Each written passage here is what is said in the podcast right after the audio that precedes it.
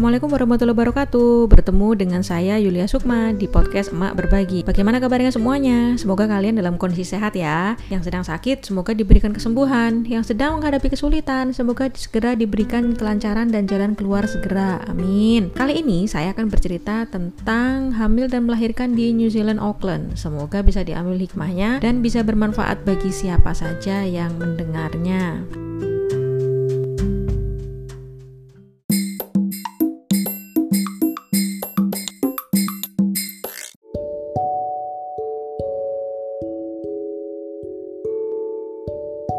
melahirkan di New Zealand. Saya itu hamil pada saat anak saya umur 4 tahun. Dan saya mencoba 6 bulan. Karena saya jadi relawan suplemen yang diharuskan tiga bulan setelah konsumsi suplemen itu baru boleh hamil. Saya di enam bulan di maksimal waktu yang maksimal yang diperbolehkan. Alhamdulillah hamil. Saya punya work visa lebih dari dua tahun karena suami saya student punya visa student 3 4 tahun saya dikasih work dua tahun setengah. Di situ tuh karena saya work visa lebih dari dua tahun saya dapat gratis konsultasi dan gratis biaya melahirkan. Saya juga dapat pelatihan gratis. Latihannya itu soal saat melahirkan terus bagaimana merawat bayi ya saat melahirkan itu kapan harus ke rumah sakit?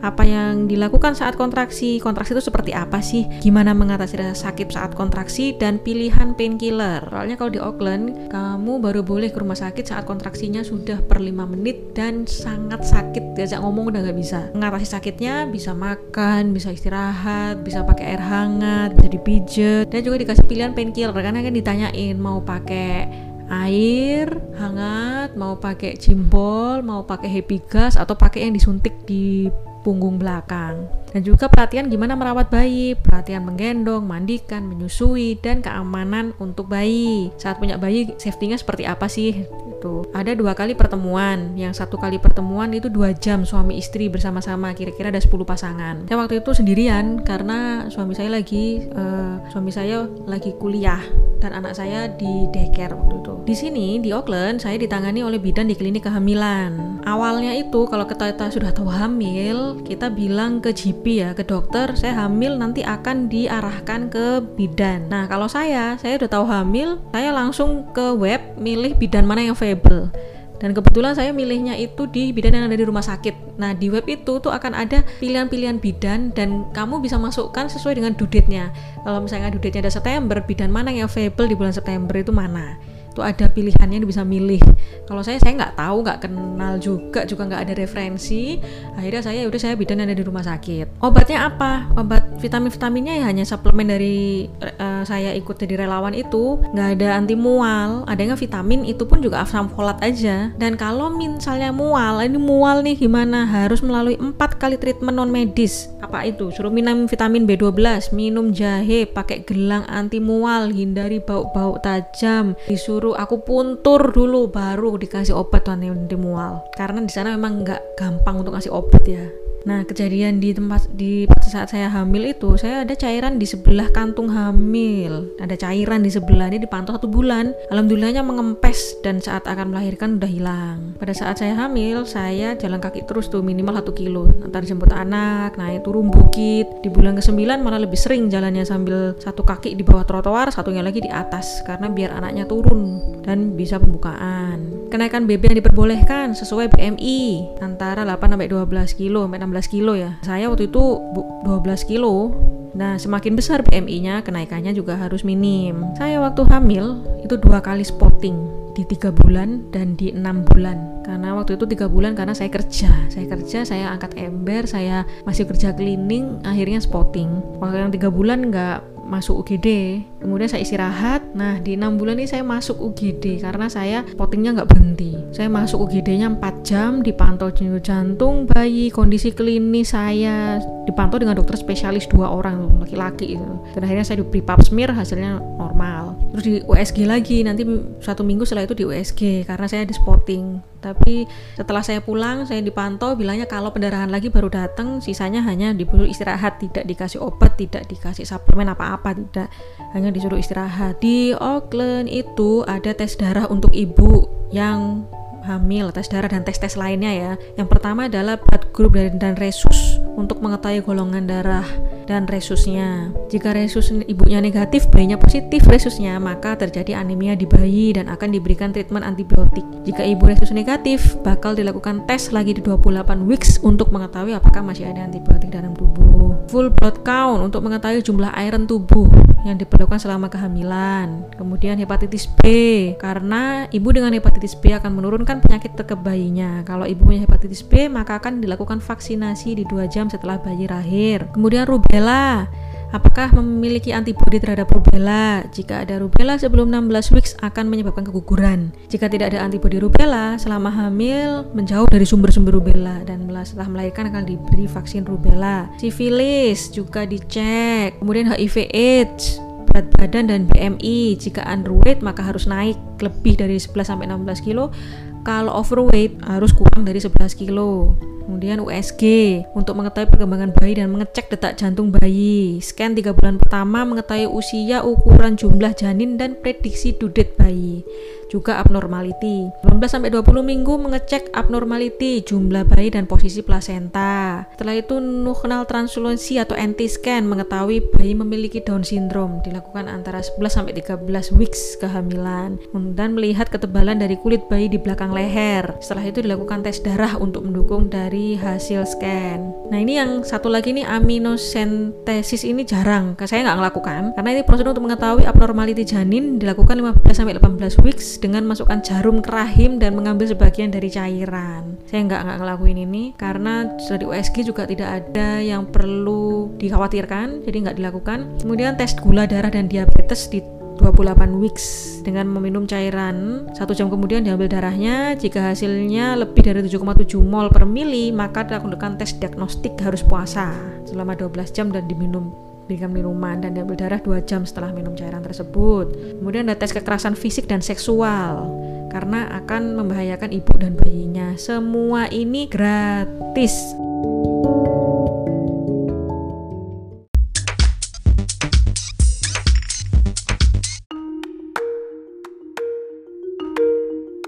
Setelah melahirkan, saya pulang ke apartemen dan dicek setiap minggu selama selama satu bulan oleh bidan, dicek kondisi fisik bayi, kondisi fisik mental ibu, diberi dukungan. Kalau nggak bisa makan karena nggak bisa masak, ada yayasan yang akan antar makanan gratis. Kalau ada kekerasan fisik, akan ada yayasan yang mendampingi gratis. Kalau kurang bisa merawat bayi dan ada baby blues, akan ada konsultan yang mendampingi.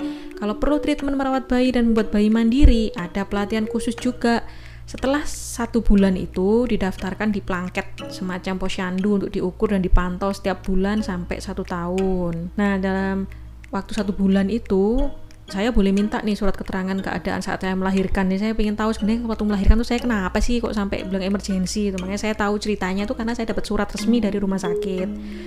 Setelah satu bulan melahirkan ada kuesioner untuk bidan yang nanganin kita saat hamil dan itu kita yang ngisi tentang bagaimana penanganannya, bagaimana cara penyampaiannya dan semuanya itu kita yang isi kuesioner itu tadi. Dan di Auckland itu bayi itu setelah lahir itu dites. Umum lah ya, tes Apgar itu ya tentang nafasnya, geraknya, kemudian tes pendengaran, didengerin 5 menit dengan kondisi tidur. Kemudian tes darah bayi untuk memilih untuk biar tahu apakah punya kelainan metabolik diambil darah di kaki ditaruh di blood spot card gitu. Saat bayi 48 jam atau lebih kalau ada yang positif dari salah satu tes itu akan dilakukan tes yang lebih dalam. Tapi untuk hasil yang positif saat pemeriksaan awal belum tentu bayi itu punya kelainan hanya karier hanya nanti akan perlu pemeriksaan lagi. Tesnya itu adalah yang pertama amino acid disorder yang merupakan missing enzim amino acid yang akan membahayakan jiwa,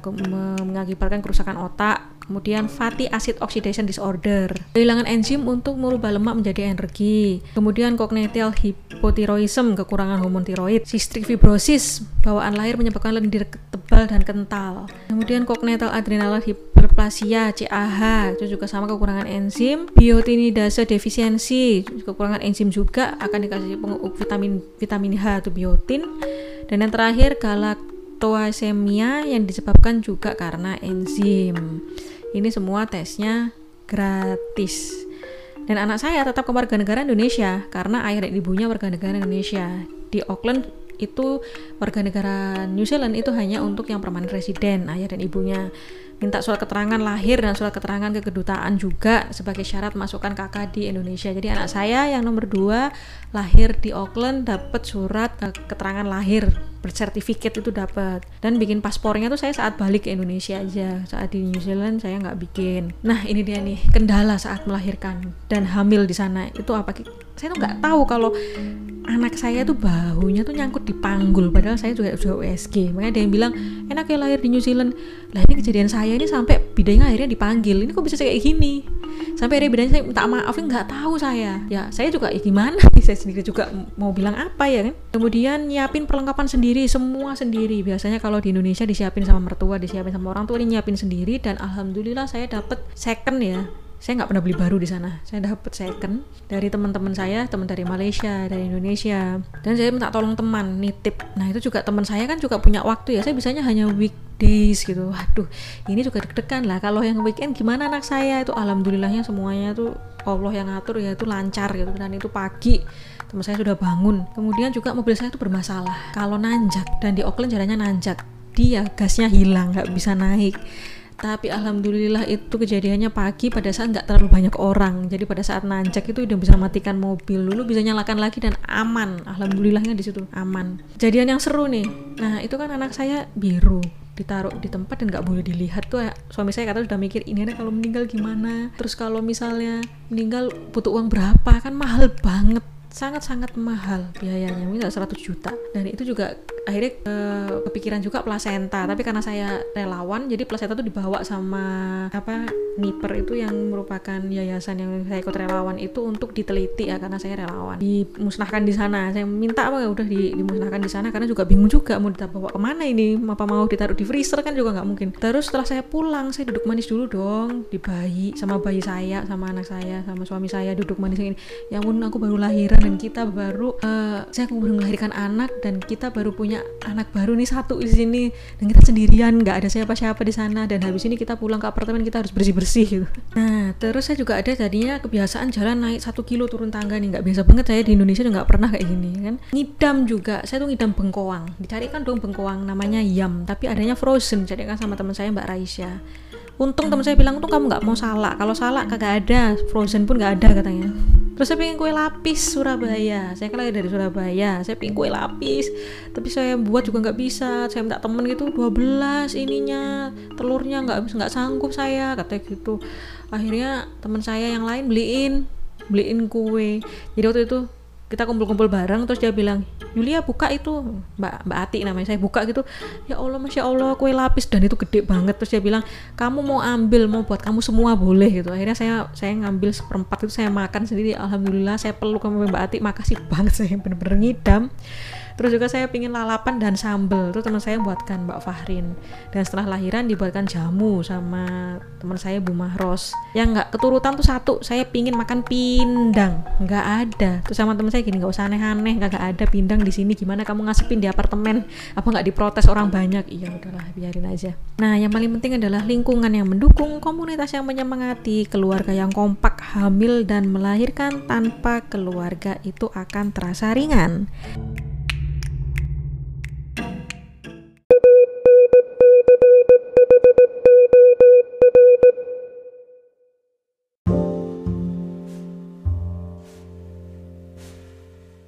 setelah melahirkan saya pulang ke apartemen dan dicek setiap minggu selama selama satu bulan oleh bidan. Dicek kondisi fisik bayi kondisi fisik mental ibu. Diberi dukungan. Kalau nggak bisa makan karena nggak bisa masak ada yayasan yang akan antar makanan gratis. Kalau ada kekerasan fisik akan ada yayasan yang mendampingi gratis. Kalau kurang bisa merawat bayi dan ada baby blues akan ada konsultan yang mendampingi. Kalau perlu treatment merawat bayi dan membuat bayi mandiri ada pelatihan khusus juga setelah satu bulan itu didaftarkan di planket semacam posyandu untuk diukur dan dipantau setiap bulan sampai satu tahun. Nah dalam waktu satu bulan itu saya boleh minta nih surat keterangan keadaan saat saya melahirkan nih. Saya ingin tahu sebenarnya waktu melahirkan tuh saya kenapa sih kok sampai bilang emergensi itu makanya saya tahu ceritanya tuh karena saya dapat surat resmi dari rumah sakit.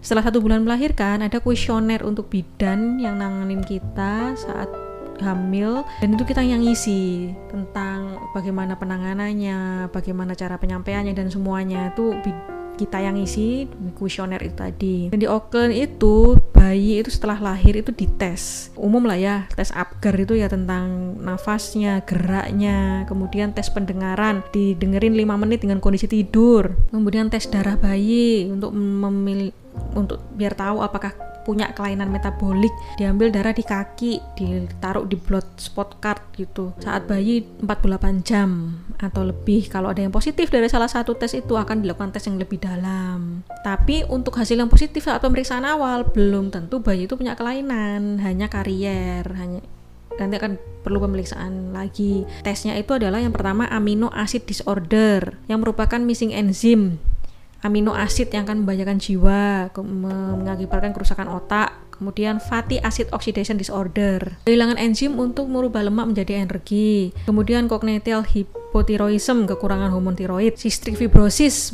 bawaan lahir menyebabkan lendir tebal dan kental, kemudian congenital adrenal hyperplasia, CAH, itu juga sama kekurangan enzim, biotinidase defisiensi, kekurangan enzim juga akan dikasih vitamin vitamin H atau biotin, dan yang terakhir galaktoasemia yang disebabkan juga karena enzim. Ini semua tesnya gratis. Dan anak saya tetap warga negara Indonesia karena ayah dan ibunya warga negara Indonesia. Di Auckland itu warga negara New Zealand itu hanya untuk yang permanen residen ayah dan ibunya. Minta surat keterangan lahir dan surat keterangan ke kedutaan juga sebagai syarat masukkan kakak di Indonesia. Jadi anak saya yang nomor dua lahir di Auckland dapat surat uh, keterangan lahir bersertifikat itu dapat. Dan bikin paspornya tuh saya saat balik ke Indonesia aja. Saat di New Zealand saya nggak bikin. Nah ini dia nih kendala saat melahirkan dan hamil di sana. Itu apa saya tuh nggak tahu kalau anak saya tuh bahunya tuh nyangkut di panggul padahal saya juga sudah USG makanya ada yang bilang enak ya lahir di New Zealand. Lah ini kejadian saya ini sampai bidanya akhirnya dipanggil. Ini kok bisa kayak gini? Sampai akhirnya bidanya saya minta maaf nggak tahu saya. Ya saya juga ya gimana saya sendiri juga mau bilang apa ya? Kan kemudian nyiapin perlengkapan sendiri semua sendiri. Biasanya kalau di Indonesia disiapin sama mertua disiapin sama orang tua ini nyiapin sendiri. Dan alhamdulillah saya dapat second ya saya nggak pernah beli baru di sana. Saya dapat second dari teman-teman saya teman dari Malaysia dari Indonesia. Dan saya minta tolong teman nitip. Nah itu juga teman saya kan juga punya waktu ya. Saya bisanya hanya weekdays gitu. Waduh ini juga deg-degan lah. Kalau yang weekend gimana anak saya? Itu alhamdulillahnya semuanya tuh Allah yang ngatur ya itu lancar gitu. Dan itu pagi teman saya sudah bangun. Kemudian juga mobil saya itu bermasalah. Kalau nanjak dan di Auckland jalannya nanjak dia gasnya hilang nggak bisa naik tapi alhamdulillah itu kejadiannya pagi pada saat nggak terlalu banyak orang. Jadi pada saat nanjak itu udah bisa matikan mobil. Dulu bisa nyalakan lagi dan aman. Alhamdulillahnya di situ aman. Kejadian yang seru nih. Nah itu kan anak saya biru. Ditaruh di tempat dan nggak boleh dilihat tuh. Suami saya kata sudah mikir ini kalau meninggal gimana? Terus kalau misalnya meninggal butuh uang berapa? Kan mahal banget. Sangat-sangat mahal biayanya. Mungkin 100 juta. Dan itu juga akhirnya uh, kepikiran juga plasenta. Tapi karena saya relawan jadi plasenta itu dibawa sama apa Niper itu yang merupakan yayasan yang saya ikut relawan itu untuk diteliti ya karena saya relawan. Dimusnahkan di sana. Saya minta apa ya udah di, dimusnahkan di sana. Karena juga bingung juga mau bawa ke mana ini? Apa mau ditaruh di freezer? Kan juga nggak mungkin. Terus setelah saya pulang saya duduk manis dulu dong. Di bayi sama bayi saya sama anak saya sama suami saya duduk manis ini. Ya ampun aku baru lahiran dan kita baru uh, saya baru melahirkan anak dan kita baru punya anak baru nih satu di sini dan kita sendirian nggak ada siapa-siapa di sana dan habis ini kita pulang ke apartemen kita harus bersih bersih bersih gitu. Nah, terus saya juga ada tadinya kebiasaan jalan naik satu kilo turun tangga nih, nggak biasa banget saya di Indonesia nggak pernah kayak gini kan. Ngidam juga, saya tuh ngidam bengkoang. Dicarikan dong bengkoang namanya yam, tapi adanya frozen. Carikan sama teman saya Mbak Raisya. Untung teman saya bilang, untung kamu nggak mau salak. Kalau salak kagak ada, frozen pun nggak ada katanya. Terus saya pengen kue lapis Surabaya. Saya kan lagi dari Surabaya. Saya pengen kue lapis, tapi saya buat juga nggak bisa. Saya minta temen gitu 12 ininya telurnya nggak nggak sanggup saya katanya gitu akhirnya teman saya yang lain beliin beliin kue jadi waktu itu kita kumpul-kumpul bareng terus dia bilang Yulia buka itu Mbak Mbak Ati namanya saya buka gitu. Ya Allah masya Allah kue lapis dan itu gede banget. Terus dia bilang kamu mau ambil mau buat kamu semua boleh gitu. Akhirnya saya saya ngambil seperempat itu saya makan sendiri. Alhamdulillah saya peluk sama Mbak Ati. Makasih banget saya bener-bener ngidam terus juga saya pingin lalapan dan sambel. Itu teman saya buatkan Mbak Fahrin.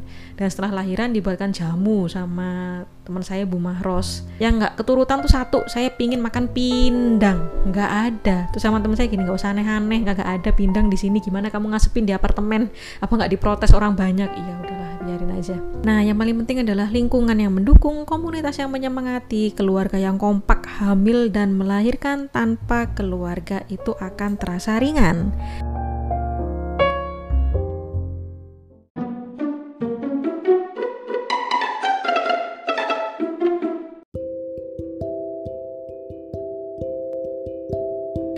Alhamdulillah selesai sudah cerita saya kali ini. Ambil hikmah yang bisa dipetik, ambil positifnya. Kalau ini menginspirasi, jangan lupa follow podcast Emak Berbagi ya. Dan nantikan cerita Emak Berbagi selanjutnya. Terima kasih. Sampai bertemu di cerita Emak Berbagi selanjutnya. Wassalamualaikum warahmatullahi wabarakatuh.